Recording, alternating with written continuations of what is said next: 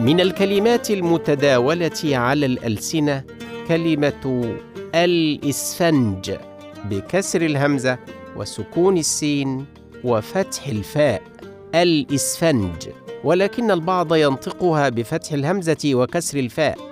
وهذا خطأ شائع.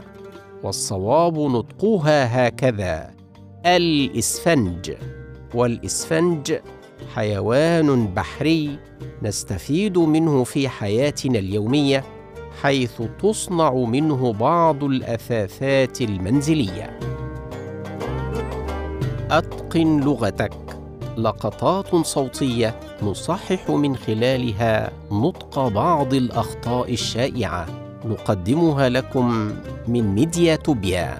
ولكم تحياتي دكتور عبد الله الخولي.